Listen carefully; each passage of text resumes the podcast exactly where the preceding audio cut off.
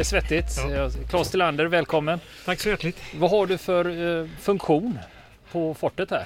Oh, det var en farlig fråga. Eh, alla eller? andra säger att det har ingen funktion. Eh, I verkligheten så, så är det ju så att vi är ju indelade enligt 1914 års eh, rulla, vilket innebär att eh, högsta hönset på det där det är en divisionschef. Och då har jag den befattningen. Så enkelt är det. Och det betyder att jag sköter det taktiskt tekniska från det här på det här stället. Och så finns det då fortchefer och andra gruppchefer och allt möjligt sånt som sköter sina specialgebit Mm. för att det här ska funka. Jag kanske ska presentera dig för lyssnarna. Du är ju gammal infanteriofficer. Hopp. Och eh, sen är du också militärhistoriker. Militärhistoriskt intresserad i alla fall. Ja, ja, det sista var mycket bättre. Det var mycket bättre. Ja. Ja, men hur som helst, jag vet om att du har en hel del specialkunskaper. Och det är faktiskt just historien om Oscar II fort jag tänkte vi skulle prata om. Okej. Och jag, för du är den mest lämpade personen då att diskutera det. Ja, jag hade ju inte undan så det blev ju jag. då. Ja. Det blir du som åkte på det. Ja. Men om, om man tänker sig, om vi börjar till och med innan Oscar. Vad var idén?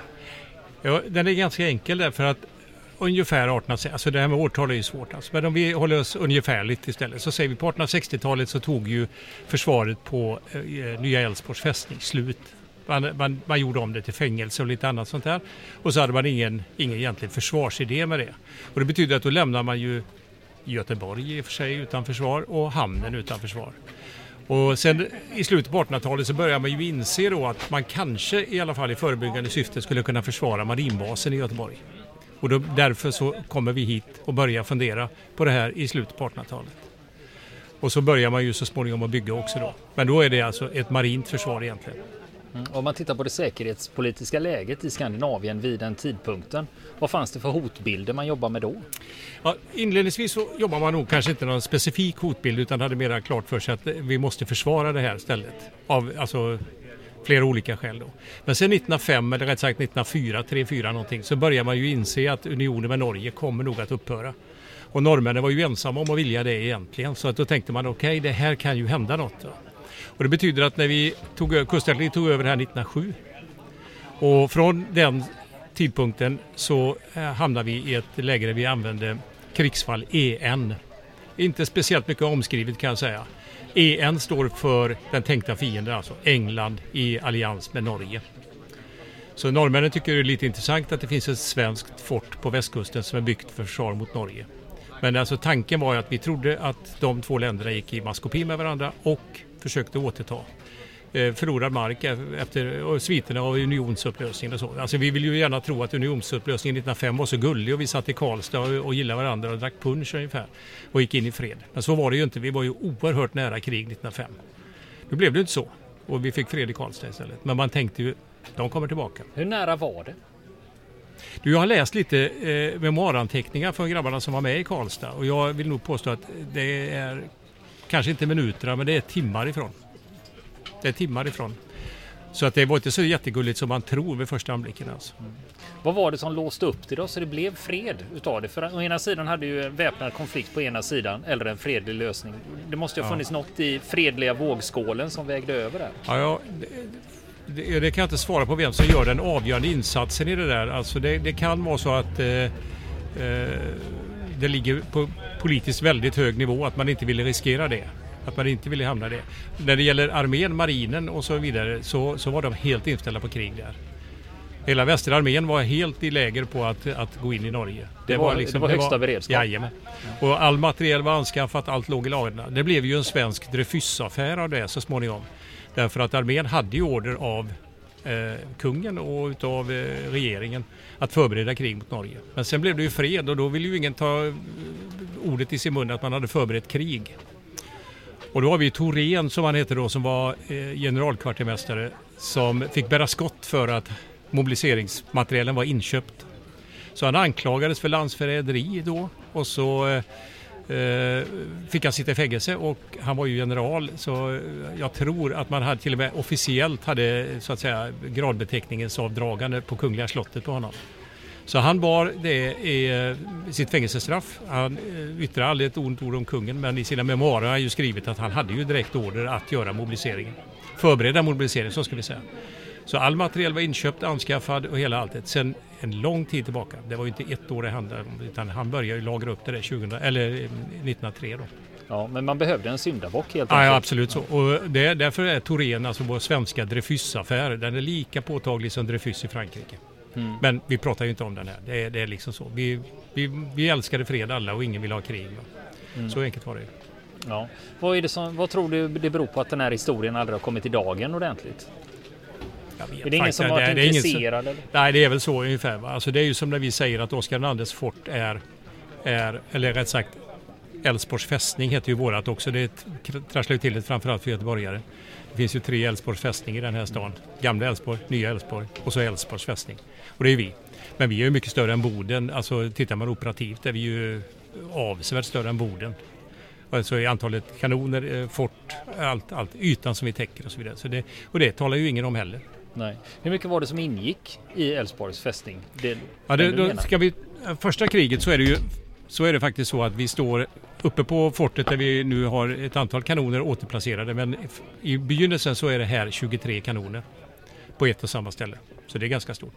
Och sen är det ju på minsidan fullständigt gigantiska minfält som ligger runt som närförsvar utav det här. Och så ligger västra armén som, som alltså alla infanteriregementena I17, I16, I15 och eh, I9 i Skövde, det som heter P4 nu. De producerar ju krigsförband varje år för att ligga här. Så det är den sammansatta eh, närbevakningen här. Och den ligger ju från Askim i söder till eh, i norr. Så det ligger fullt med folk. Alltså det, det, det är fullständigt gigantiskt stort alltså. Sen under andra kriget då blir det stab istället. Och då bor ju mer människor här. Men vi har inga kanoner kvar. Men om vi går över och pratar om när man började anlägga fortet här. Eh, Hur gick det till? Vad var startskottet så att säga? Fanns, det måste ju ändå kommit nå- något initiativ någonstans ifrån. Ja. Och det är marinberedningen som gör, eh, alltså ett förslag marinledningen gör på var man ska lokalisera det här stället. Och sen sker det en väldig massa eh, rekognosering och sånt och så småningom så fastställer man den här platsen. Sen blir det lite osäkert där alltså när exakt det skedde. Och det, det kanske helt enkelt inte är särskilt intressant heller men alltså vi är ju i slutet på 1800-talet och vi, vi ser en bild till exempel där Hans Majestät står och, och eh, tillsammans med biskopen i Göteborg som heter Rode och en eh, del stabsmänniskor och vår konstruktör Claes Grill då. De står där på en bild och så, så, så bildtexten under så står det till exempel eh, kungens besök eh, 1896. Eh, men på samma bild så kan vi se en annan, annan text som säger kungens besök 1898 och så vidare. Så, så det, okej. Någon Det- gång i slutet på 1800-talet fastställer man ju här ska fortet ligga. Och då vi, viger då biskopen denna mark till det. Mm. Välsignar så ska jag säga. Ja. Och när man gör, fattar den här typen av beslut eh, då, då är det ju framförallt eh, som mäklarna säger location, location, location. Mm. Och om du beskriver fortets läge ge- gentemot Göteborgs inlopp. Då, då är det ett fantastiskt väl valt ställe att vara på. Vi ligger ungefär 80 meter över Långedrag. Vilket innebär alltså, med, alltså det är ju så att en, man brukar ju räkna att en större kaliber slår en lägre kaliber, alltså storleken på eldrörerna. Och det kan man säga generellt. Men nu råkade höjden tala för oss vi ligger ju mycket högre vilket innebär att vi tjänar kaliber. Så våra 240 mm pjäser som är störst, de har ju i princip samma räckvidd som en 38 cm eller eh, 42 cm. Så att jag menar, vi vinner på läget. Och sen är det så att Göteborg i det läget, om du ska segla in med ett krigsfartyg, vi säger en, en brittisk dreadnought till exempel, så, så betyder det att vi har en led in i Göteborg, det är Bötterleden på den tiden. Och där skulle de haft enormt svårt att ta sig in, för den var så smal och så grund. Så det stora engelska slagskepp, de, de skulle få manövrera väldigt, väldigt försiktigt för att komma in i Göteborgs inlopp. Amerikanerna skulle ju prova detta 1986 med USS Arizona. Eh, Men de fick välja Köpenhamn istället för de kom inte in i hamninloppet här helt enkelt. De Var det slog i för- botten. Var det, det var, var för grunt? Det var för grunt. Ja. Och vi säger då att ett större krigsfartyg, låt oss säga en dreadnought, om man hade lyckats köra in den här då. Och så tänker man hur många kanoner kan han verka med? Ja, det beror ju på om man backar eller kör in till exempel. Men han, han har ju i alla fall då sex eller tre kanoner som man kan jobba med. Skulle han kunna lägga sig på bredsida och skjuta? Nej, det är, svaret är nej. Det kan han inte för kanalen är för smal. Man ska ju veta att en dreadnought som skjuter bredsida, alltså skjuter samtidigt då, han kanar ju i sidled beroende på ström och temperatur i vattnet. Så man säger då att han kanar upp mot en 50 meter i sidled. Och det går inte i den här kanalen, den är alldeles för smal. Så vi tänker oss alltså brittiska mm, stora fartyg, låt oss säga Dreadnought då, i lågs, långsam hastighet. Och de har inga gyrostabiliserade kanoner. De har, de har de kanoner de har.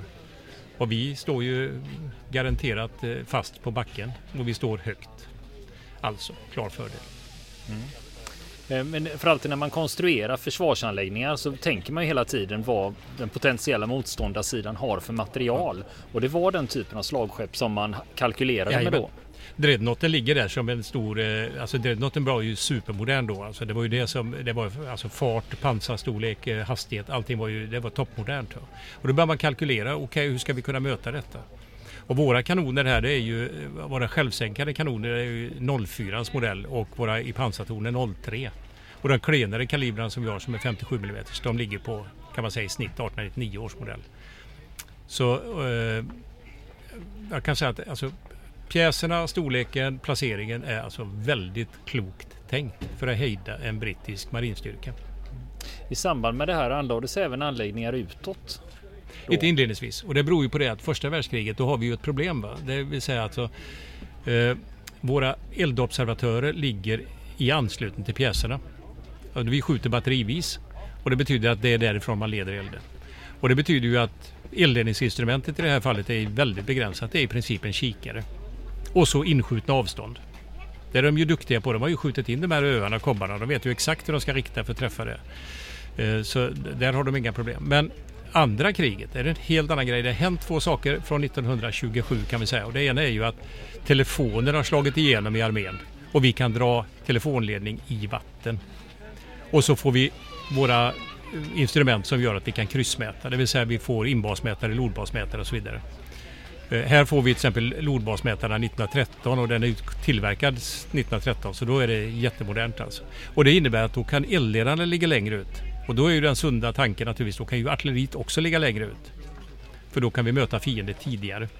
Och så har vi fjärrspaning på det som är jättemodernt. Eh, alltså vi har ett flygplan här som flyger, alltså fjärrspaningen. Så vi har god förvarning när fartygen dyker upp. Eh, och det har, vi har flygplan under första kriget men inte under andra kriget. Det är också lite intressant att se hur tänkte de här. Mm. Hur jobbar man även med mineringar? Det är så här att vi har anledning att tro, alltså mineringarna är ju oerhört viktiga och försänkningslinjerna för de utgör ju hinder i sig då. Va? Så här till, in till Göteborg så fanns det då, för oavsett vilket väderstreck du kommer till sjöss, stora minlinjer.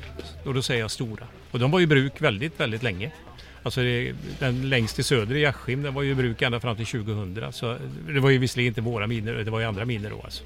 Moderna miner. Men i alla fall, det låg där. Och sen där man inte kunde täcka med miner, det ligger man med försänkningslinjer. Det vill säga all skrotsten från, från berget när man byggde här körde man ju ut en lav väldigt, väldigt organiserat på botten. Så det går inte att segla in till fortet här med ett fartyg. Du är på ganska långt ut från, fartyg, eller från eh, från eh, stranden här om du ska komma till oss. Det här är ju inget segeldjup alls alltså. Mm. Om vi tittar på de olika perioderna, kan man säga att fortet har genomgått olika faser? Ja, och det, jag tror att man ska säga att det är moderniseringsfaser. Det finns ju en trend alltså historiskt att man säger att eh, eh det och det fortet när det byggdes var det omodernt redan innan det var färdigt och sådär. Va? Alltså det man, man fullständigt glömmer bort är ju utvecklingen. Vad är det som händer? I vårt fall är det ju samband och det är ju eh, mätningsinstrumenten för kryssmätning och målbestämning som gör att vi kan flytta ut. Det, det är ju inte att det blir omodernt, det är ju att det är en, en utveckling. Alltså i, i rätt riktning så att säga. Va? Så, så kan man väl se på det. Ja, men det var ändå i drift fram till 1955. Ja, fast man kan säga så här då, generellt nu. Väldigt generellt. Första världskriget, vi är fullständigt aktiva och potenta. Vi har 23 kanoner som kan verka. Vi har enormt många miner och försänkningslinjer. Andra världskriget, då flyttar vi ut alla våra pjäser. 1939 började vi tömma på pjäser och sätter dem i, alltså de kom till Styrsö, Galterö, eh, Juvik på hissingen och så vidare. Alltså de flyttades ut och in flyttade staben istället. Så första världskriget så kan man säga inne i fortet så är det 240 soldater. 9 officerare, 20 underofficerare kan man säga generellt. Andra världskriget, mycket mer folk, men det beror ju på att det är en stab. Då leder vi alltså allt kustartilleri härifrån kan man säga. Nu är jag lite generell igen, men i alla fall. Eh, från Åsa i söder till Strömstad i norr. Då ligger man lokaliserad här. Så det var härifrån det styrdes? Ja, visst var det så. Det är ju i stort sett hela norra västkusten då? Ja, det som hände, hände på pjässidan är, det är ju det att på första kriget så får vi faktiskt 1914 två luftvärnskanoner. Alltså flygavståndet från Danmark är ju så långt så man tänker det går inga bombflygplan från Danmark och tillbaka igen. Så det var inte ett aktuellt scenario. Va? Sen kom ju en väldigt massa långdistansplan och sånt. Va? Så andra världskriget har vi alldeles fullt med luftvärn men inga vanliga artilleripjäser om man säger så. Mm. Men sen har vi ju det här årtalet då 1955. Ja. Vad händer? Ja, då är det så att vi har ju haft flera sådana perioder. Alltså 1927, då hade vi ett, eller 25 års försvarsbeslut, är det 1927 verkställs det. Då läggs vi i materiellreserv. De flesta forterna läggs ner. De skrotas, men inte vi. Det här läggs det i materiellreserv och ska underhållas. Och det gör det ända fram till 1939. Då har vi alla pjäser, all, alla kulor och krut och allting kvar. Och så provskjuter man härifrån och så bestämmer man sig taktiskt, vi flyttar ut istället. Och då, då flyttar man ut i havsbandet med det hela. Sen när staben lämnar här 1946 så blev det förrådsfästning. Och så hade vi förrådsfästning till 1955. Och 55 då låste man dörren, stängde fönstren och gick hem. Och från 1955 så sen hände det ingenting här? Inte då? ett skvatt. Utan 1995 öppnade vi igen.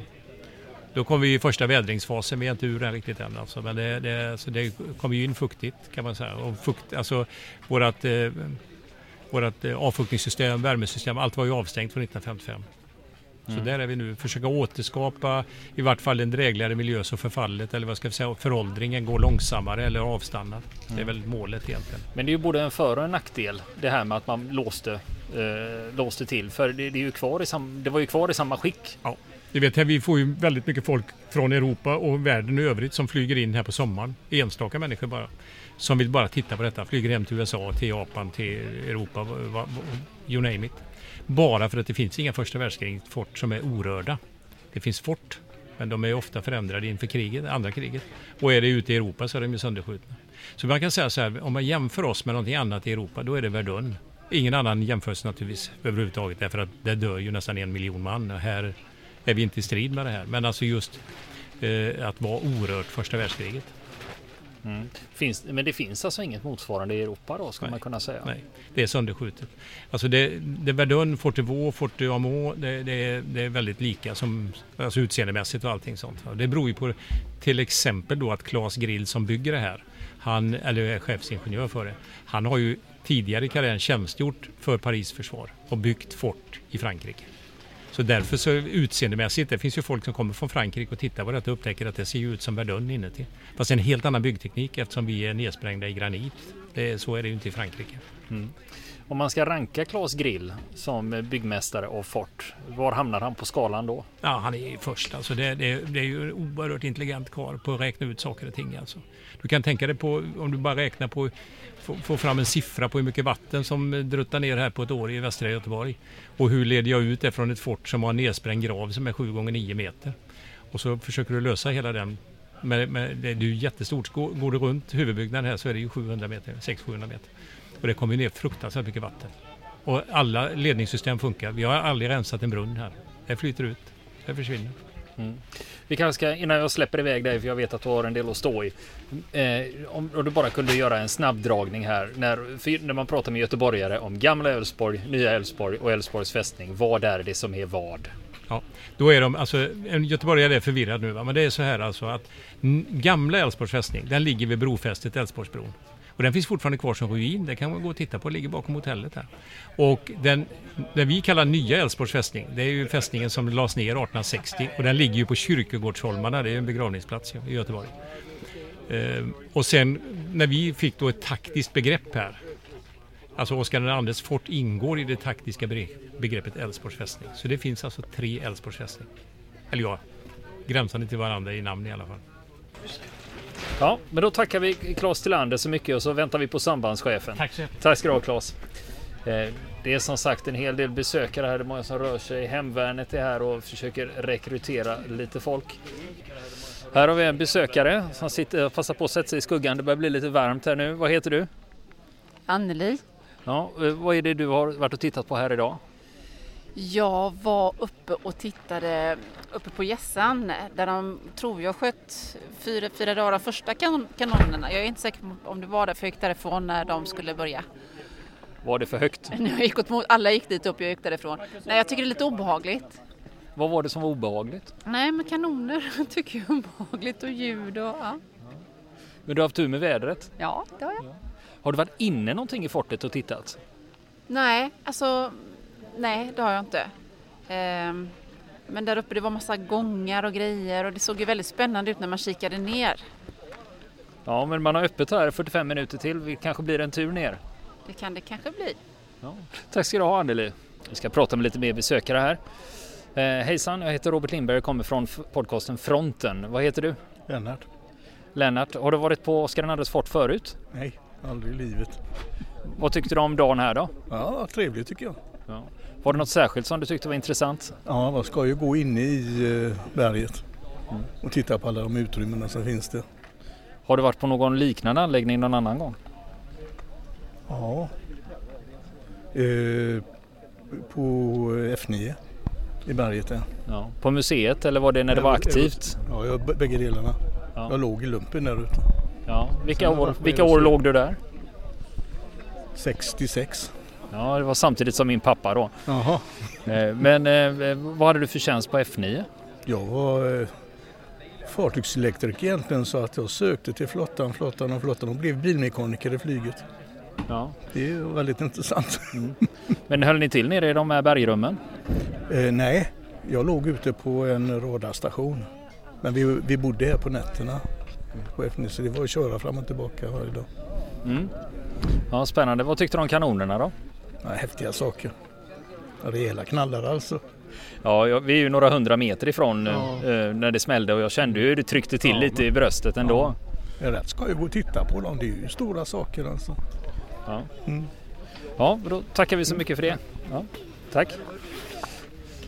Ja, och då ska vi prata med Ulf Hansson som är chef för sambandet här på Oskar den andres fort. Välkommen hit Ulf Hansson! Tackar, tackar. Ja, jättetrevligt att ha dig här. Nu ska vi snacka samband här.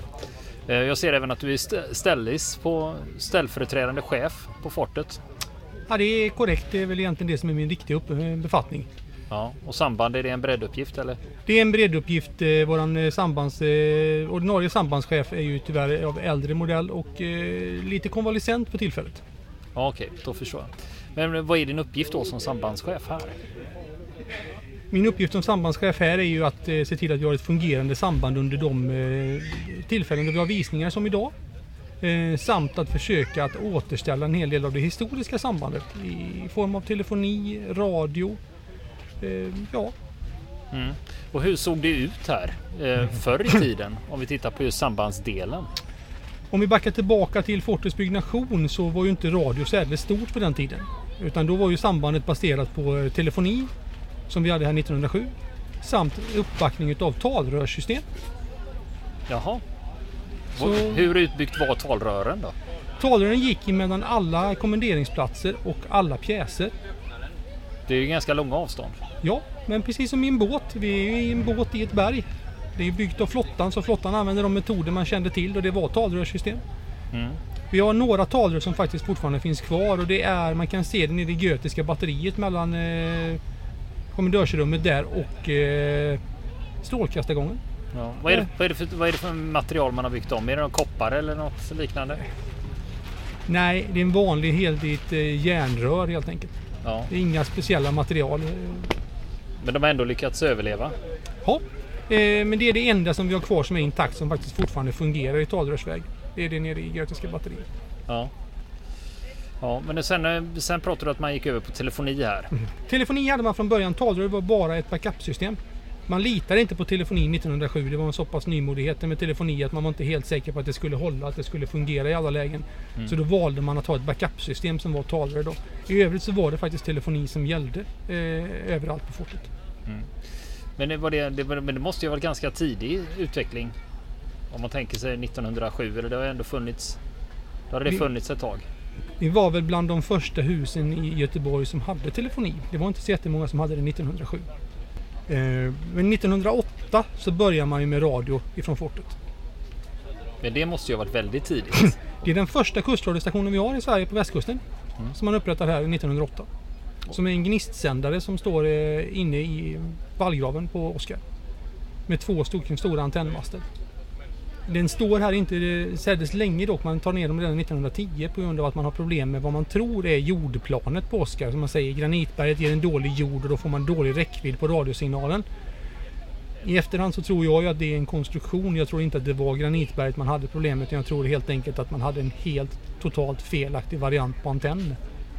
Och det kan vi ju säga nu, några hundra år efteråt. Eller hundra år efteråt. Så. Jo, men på den tiden hade man ju ingen möjlighet att mäta på antenner utan det var ju lite chansningar på vad man trodde var riktigt. Och man använde sig av en ändmatad antenn för en gnistsändare som var oerhört mycket kortare än vad den skulle vara. Jag menar, tittar vi nere på Grimeton så ser vi ju lite grann hur, hur antenner på de riktigt låga frekvenserna ser ut.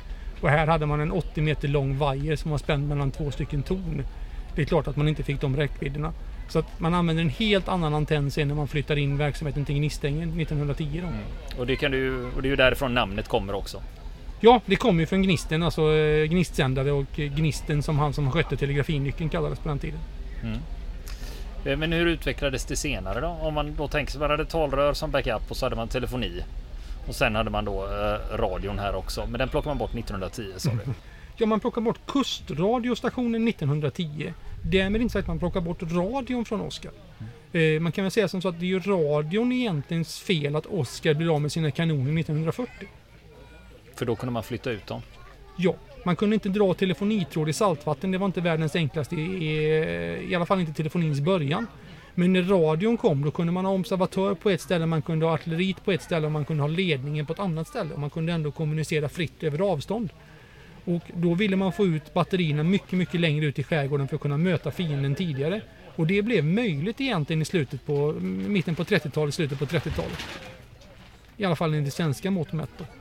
Så 1940 så blev vi av med kanonerna och det är egentligen kan man säga radions fel. Mm. Eller förtjänst. Ja, hur väl hängde Sverige med i den här utvecklingen då? Om man jämför med övriga Europa vid den här tidpunkten? Runt 1940 så ligger vi ganska bra till vad det gäller militärradio i alla fall. Eh, det är svårt att svara på men vi vet att finnarna gör ett test alldeles innan andra världskriget när de testar en, en eh, svensk station. Och den testas mot en engelsk och en tysk. Och man finner att vid samma vattantal så har den svenska eh, stationen betydligt längre räckvidd. Och väljer att köpa en svensk station. Sen bygger man 200 av de här stationerna till Finland men alldeles innan man ska skeppa dem så tänder man faktiskt, det är någon som tänder eld på det förrådet. Så alla radiostationerna brinner upp och kommer aldrig till Finland. Sabotage helt enkelt? Eh, ja, det har man väl fastställt att det var ett sabotage. Man ville helt enkelt inte få de radioapparaterna till finska armén under eh, i början på första världskriget. Mm. Så Sverige har legat ganska bra till i utvecklingen egentligen fram till 50-tal då man går över till att köpa amerikansk utrustning. Och det håller man på med fram någon gång till på 1990-talet. Man bygger där 180-systemet som är ett svenskt system igen. Mm. Men ändå har vi haft, eh, för ofta brukar det vara så att det är svenska företag som även ligger bakom eh, framgångar inom försvarsindustrin och hade LM Ericsson någonting med det här att göra? De låg väl bakom RA180-systemet sen va? Ja, det gjorde de i allra högsta grad. Det är väl den första försöket till en GSM-telefon kan man väl säga. Fast i väldigt stor förpackning och grön. Men det var, tidigare var det ett företag som hette SRA. Eller Standard Radio. Det fanns ett antal olika som var hårt knutna till Försvarsmakten som byggde radioapparater. Ericsson var mer starka på telefonisidan i, i ett tidigt skede. All, alla telefoniväxlar och alla eh, telefoner som Försvarsmakten haft genom åren har ju varit Ericsson. Men däremot på radiosidan kommer de först in egentligen nära 180-systemet. Mm. De köper väl upp standardradio om jag minns rätt. Mm. Men om vi tittar nu, om vi nu bara pratar samband, när man hade utvecklingen då på 40-talet när man flyttade ut och man kunde ha stabsplatsen på en plats, eh, skjutplatsen på en annan och eh, observatören på en annan. Hur, vad hände sen med den utvecklingen? Jag skulle säga att den är ganska statisk till egentligen fram tills eh, radaranläggningarna kommer, men de funkar ju på samma sätt. Det är bara att man har en radar istället för en observatör. Det förändras inte särdeles mycket egentligen för man lägger ner kustartilleriet. Det är väl den stora förändringen som sker. I övrigt så är det ju den principen att man fördelar ut observatörer eller radarstationer. Man har artilleri och man har ledning på olika platser. Därför att om man får in en träff så slår man åtminstone inte ut hela systemet. Man slår bara ut en liten del av systemet. Mm. På den här tiden, hur jobbar man med kryptering? Hade du telefon, ren telefonlina så förstår jag att det kanske inte var aktuellt. Kryptering på Oscar, eh, den tid vi fokuserar på är ju runt första världskrigstiden och då är det ju telefoni som gäller. Med andra ord använder man inga krypton precis som du säger. För det behövs inte? Nej. När vi kommer fram till eh, andra världskriget så har vi ju en hel del eh, duktiga människor på krypteringar i Sverige. Det är framförallt dekrypteringen man är väldigt duktig på i Sverige. Man knäcker väl en hel del tyska koder. Men det är inte riktigt mitt gebit kan jag säga vad det gäller krypteringsgrejerna. Kan, man kan ju ha tur. Ja, det kan man ha. Ja. Men det finns mycket intressant litteratur att läsa om just eh, svenskarna och FRA under, under andra världskriget som var väldigt, väldigt duktiga. Men nu, om vi nu går över och börjar prata lite nutid. Men hur har ni, ni bygger upp samband eh, inför när ni har den här typen av evenemang? Ja, och då är det mycket att lösa den logistiken, alltså att man ska slippa springa fram och tillbaka med meddelanden. Så därför kör vi ju radiosamband i stort sett mellan alla personal som jobbar här. Men vi har även en amatörradiostation som står och går här. Och vi försöker köra ut våran signal över världen och se vad som händer. Vad är det för typer av apparater ni kör med idag? Idag kör vi med ja, enklare handapparater från ICOM eller eh, något annat märke. Mm. Och eh, vad det gäller de stora grejerna så kör vi faktiskt eh, en del gamla militärgrejer. Vi har, eh, idag har vi igång en RA200 från 50-talet. Som de kör eh, CV på, morse. Vi har haft lite kontakter här idag runt om i Sverige och även någon i Finland. Den här frekvensen vi ligger på och kör idag vad det gäller kortvågen den är ganska känslig vad det gäller för tid på dygnet. Den är helt klart bäst i skymning och gryning. Och här är vi ju faktiskt mitt på dagen idag så vi har lite begränsade räckvidder. Vad beror det på? Det beror helt enkelt på att eh, skikten i eh, atmosfären beter sig lite olika. Eh, och då studsar vågorna lite olika. Ibland går de rakt igenom och försvinner rätt ut i rymden. Det man vill göra det är att träffa atmosfärskikten och så studsa tillbaka mot jorden igen för det är då man kommer riktigt långt. Antingen kan man köra liksom direktvåg och då är- träffar man direkt den antenn, alltså från antenn till antenn. Eller också studsar man via någonting då. Och det man brukar göra för att komma riktigt långt är att studsa i något atmosfärskikt. Och det görs bäst på de här frekvenserna i skymning och gryning. Då. Det finns andra frekvenser som är mer lämpliga att köra på dagen. Men de här gamla militärradioapparaterna de var helt enkelt byggda för att, eh, i, de, i de frekvenshärdarna helt enkelt. Mm. Om man är intresserad, till exempel om man är gammal signalist och brinner för den här, vad finns det man kan se här? I dagsläget så kan man komma hit och titta på våra, vår gamla militärstation som står här. Vi har fler militärstationer stående eh, undanställda i våran lada. Och man kan även prova att köra lite CV och sen så kan man ju träffa lite andra gamla signalister som vi har här som faktiskt kör våra radioapparater. Och sitter där uppe i våran sambandsvagn och eh, signalerar hela dagen. Finns det några problem ni springer på idag med när det gäller de portabla apparaterna ni har? Att det störs ut av någon annan trafik eller? Inte som vi har upplevt här idag. Man får faktiskt säga det att man pratar om att eh, Oskar var ett väldigt dåligt radioläge 1908. Idag får man säga att Oskar är ett alldeles utmärkt radioläge för vi kommer utanför det värsta stadsbruset. Så vi har en ganska bra signalnivå här och låga brusnivåer och vi går igenom väldigt, väldigt bra här ute. Både, framförallt på kortvågen så märker man skillnad mot att vara här och vara inne i stan. Där vi har en klart mycket bättre signal här ute. Vad har du annars för uppgifter här idag? Under det här evenemanget? Allt möjligt skulle jag säga. Nej men framförallt är det väl att bistå våran fortchef Martin med det han inte hinner med att göra. Eh, Vara hans eh, personliga slav kan man väl säga. Mm. Någon ska ju vara det också.